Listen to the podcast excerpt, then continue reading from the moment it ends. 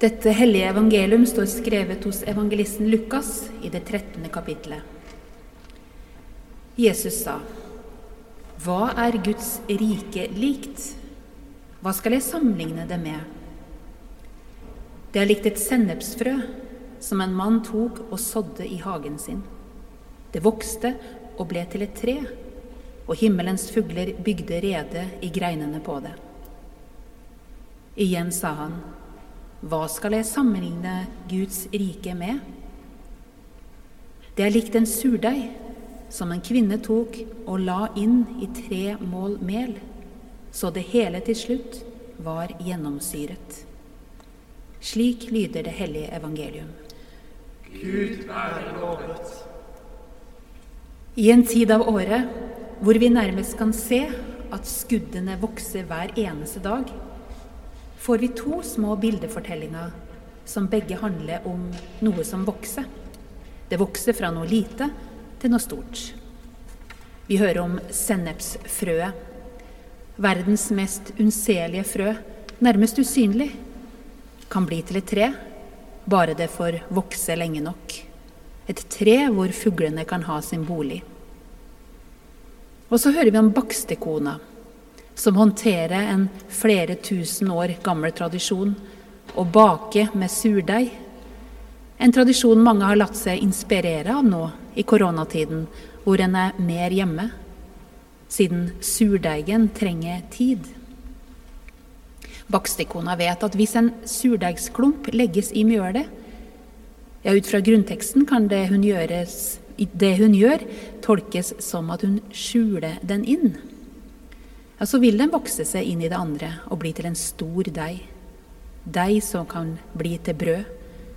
Og denne brøddeigen i fortellingen var av en størrelse at den kunne gi 15 store brød. Det lille blir til noe stort. Det vokser av seg sjøl. Vekstanalyser og vekststrategier er kjent stoff i mange bransjer. Alle kommersielle foretak skal vokse. Hvis ikke har de ikke livets rett. Mange hoder har rullet fordi en ikke nådde de ønskelige vekstmål.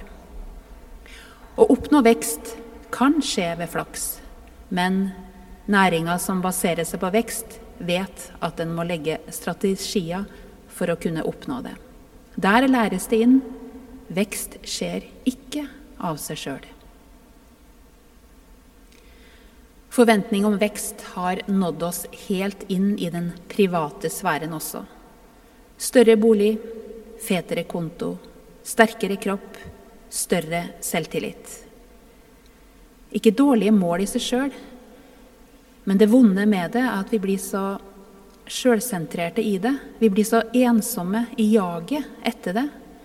Alt blir opp til oss sjøl. Den menneskeskapte veksten kan verke.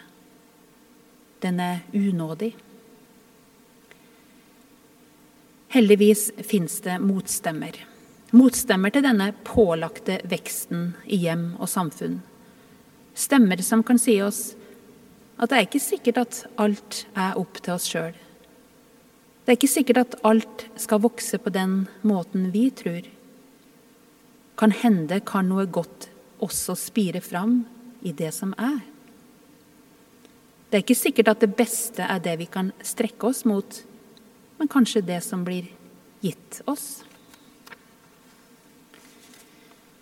Jeg finner denne motstemmen i alle tekstene i dag, og som en grunntone i salmene vi synger. Det handler om det som blir til noe mer. Mer enn hva vi rår over. Nåde. Det er om Guds rike Jesus snakker om i sine små liknelser eller sammenligninger i dag. Og Han snakker om det på en måte som får meg til å oppleve at det er svar på et spørsmål. At noen kom og spurte hva er Guds rike? Men det spørsmålet er der ikke. Jesus bare stiller seg opp, stiller seg selv et retorisk spørsmål og sier hva Guds rike kan lignes med. Det er likevel mulig å tenke at det er svar på noe. Noe som skjedde like før, i den samme lille byen. Jesus gjorde noen frisk på en sabbat, den hellige dagen hvor alle skulle hvile. Det var en kvinne der som var så syk at hun var krumbøyd. Jeg synes jeg kan se henne for meg. Et menneske hvis kropp var så bøyd at hun ikke kunne se andre inn i øynene. Det hjalp ikke hvor mye hun enn strekte seg. Men så, ved Jesu legende hender, ble hun frisk, og hun kunne rette ryggen. Hun ble strekt opp og kunne se inn i Guds ansikt på jorda.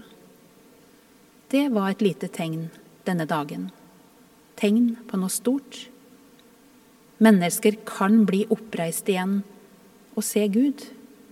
Se andre mennesker i øynene. Jeg tror det var dette Jesus ville si. Guds rike er her.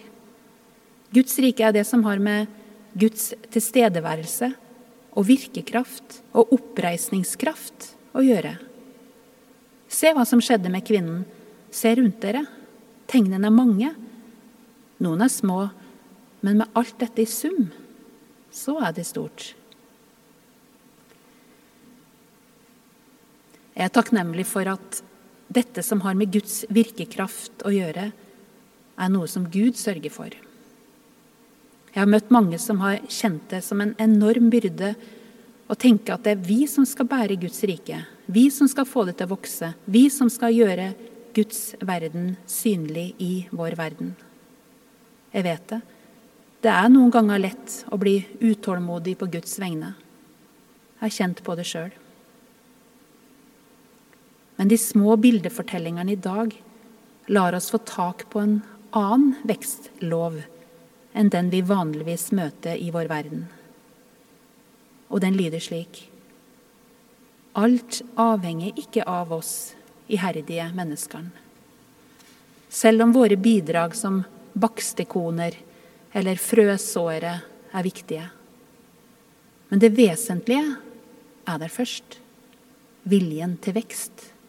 Den kan være godt skjult, men vekstpotensialet er iboende. Det er Guds rikes hemmelighet.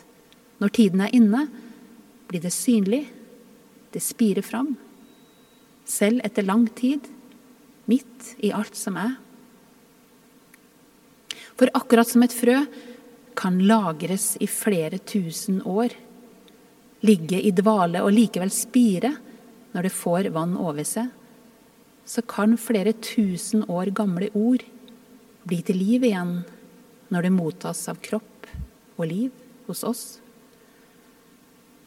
Akkurat som surdeigsklumpen kan ligge i dvale kjølig kjempelenge uten å dø, men få liv når den mottas av mer mjøl og vann, så kan Gudsrikets krefter vekkes til liv og ese, vokse seg utover i møte med oss det lille blir til noe stort. Så tenker jeg at kanskje er det noe opp til oss å se og si hva Guds rike kan sammenlignes med. For det slutter aldri å vokse. Kanskje vi kan se og si at Guds rike kan sammenlignes med der hvor mennesker blir oppreist til et verdig liv, der rygger blir rake, og blikket blir retta framover.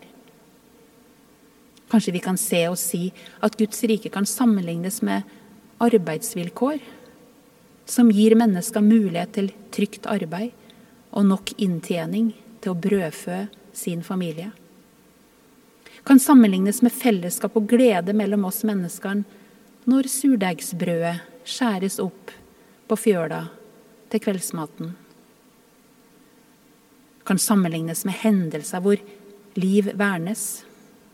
Frigjøring skjer, der kjærlighet deles og der barmhjertighet bor. Midt i hverdagen, midt i alt. Kanskje vi kan se og si at Guds rike kan sammenlignes med nåden ved å bare være til en vårdag i mai.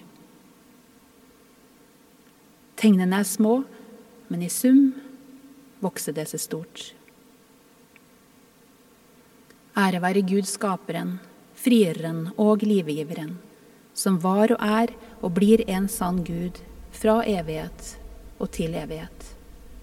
Amen.